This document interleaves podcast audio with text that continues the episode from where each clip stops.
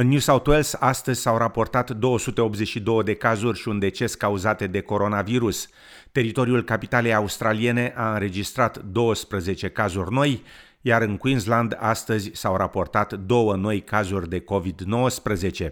Coordonatorul vaccinării din Queensland a avertizat că centrele regionale și comunitățile indigene se vor confrunta cu restricții dacă nu ating o rată de vaccinare de 80% până la redeschiderea granițelor. În Victoria astăzi s-au raportat 1510 cazuri și 4 decese cauzate de coronavirus.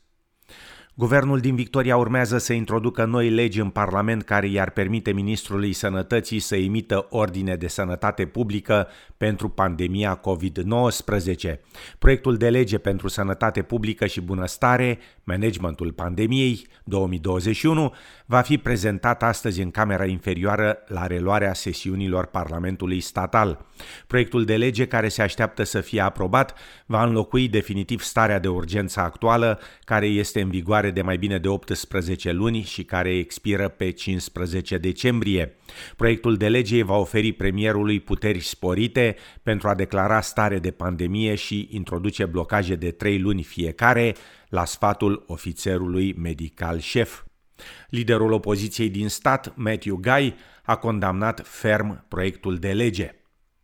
În Australia, liderul naționalilor Barnaby Joyce afirmă că partidul său a încheiat cu guvernul federal un acord mai bun pentru Australia rurală și regională, după ce a acceptat condiționat obiectivele climatice mai stringente propuse de Canberra.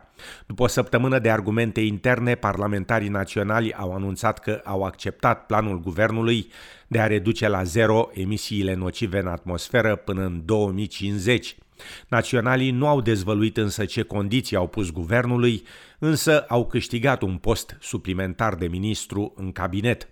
Barnaby Joyce afirmă că naționalii s-au asigurat că Australia regională nu va fi lăsată în urmă în formularea politicii climatice a țării. We are making sure that as we go forward that the people of regional Australia are in a better position than the than the terms and the process that were initially delivered to us.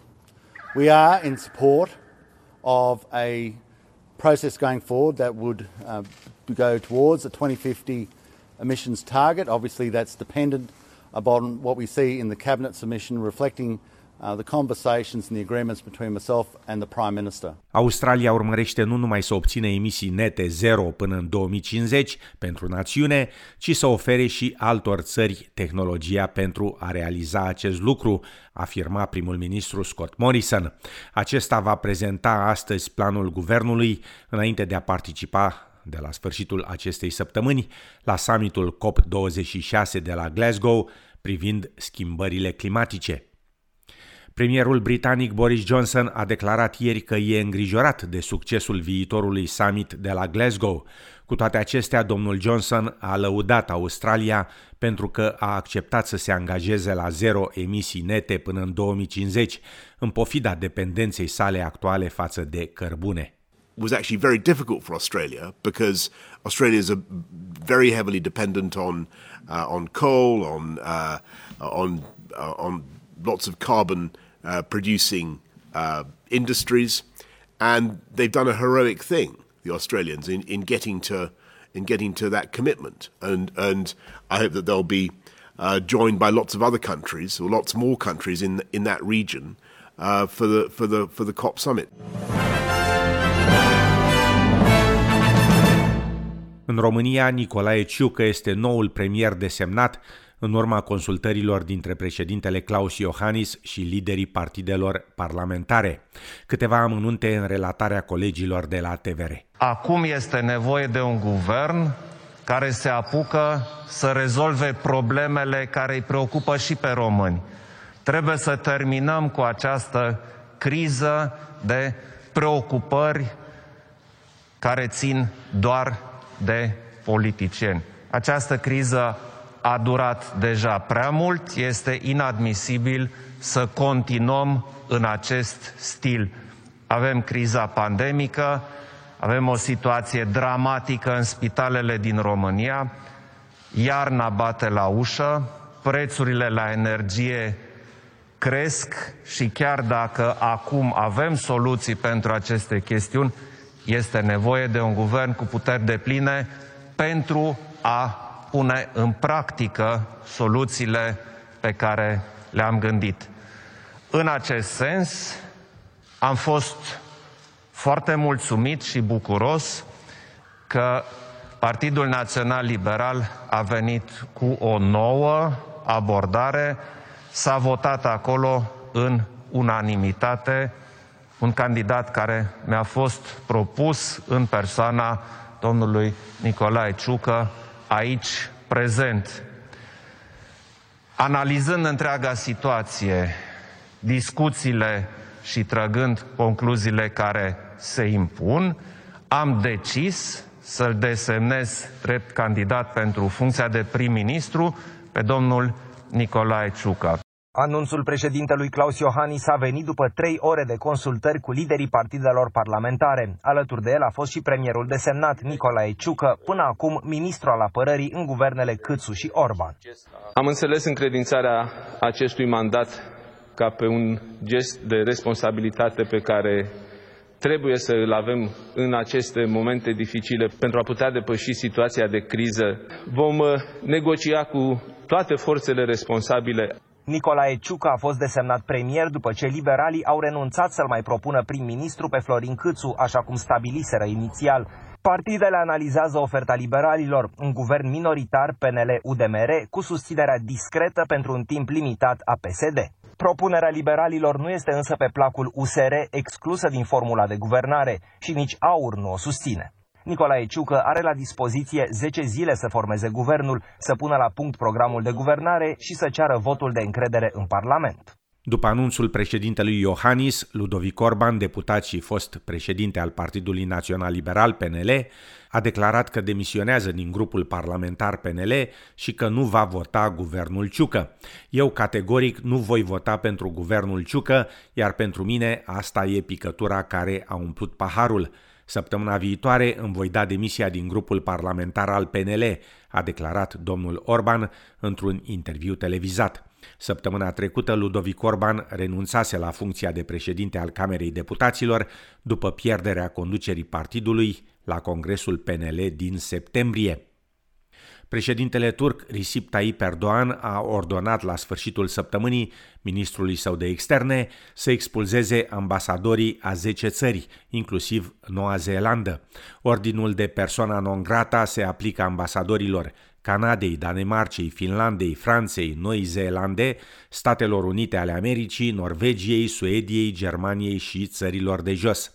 Reacția vine după solicitări de eliberare a filantropului Osman Kavala, aflat în închisoare sub acuzația că ar fi finanțat proteste la nivel național, acuzații negate de inculpat. Președintele turc afirmă că ordinul său va intra imediat în vigoare. This is Turkey, glorious Turkey. You can't just get up and come to the foreign ministry and give instructions. I gave the necessary instructions to our foreign minister and said, You will immediately handle the persona non grata declaration of these 10 ambassadors. Casa Albă afirmă că este foarte îngrijorată după ce a aflat de o lovitură militară în Sudan. Armata Sudanului a preluat puterea la câteva ore după ce trupele l-au arestat pe premierul Abdallah Hamdok și alți înalți oficiali. Mii de persoane au protestat pe străzile din Khartoum împotriva loviturii de stat care amenință progresul țării către democrație. Șeful armatei a anunțat la televiziunea națională că a dizolvat guvernul și Consiliul Suveran. Organizația Națiunilor Unite a denunțat de asemenea lovitura de stat și a cerut eliberarea primului ministru interimar al țării și a oficialilor arestați.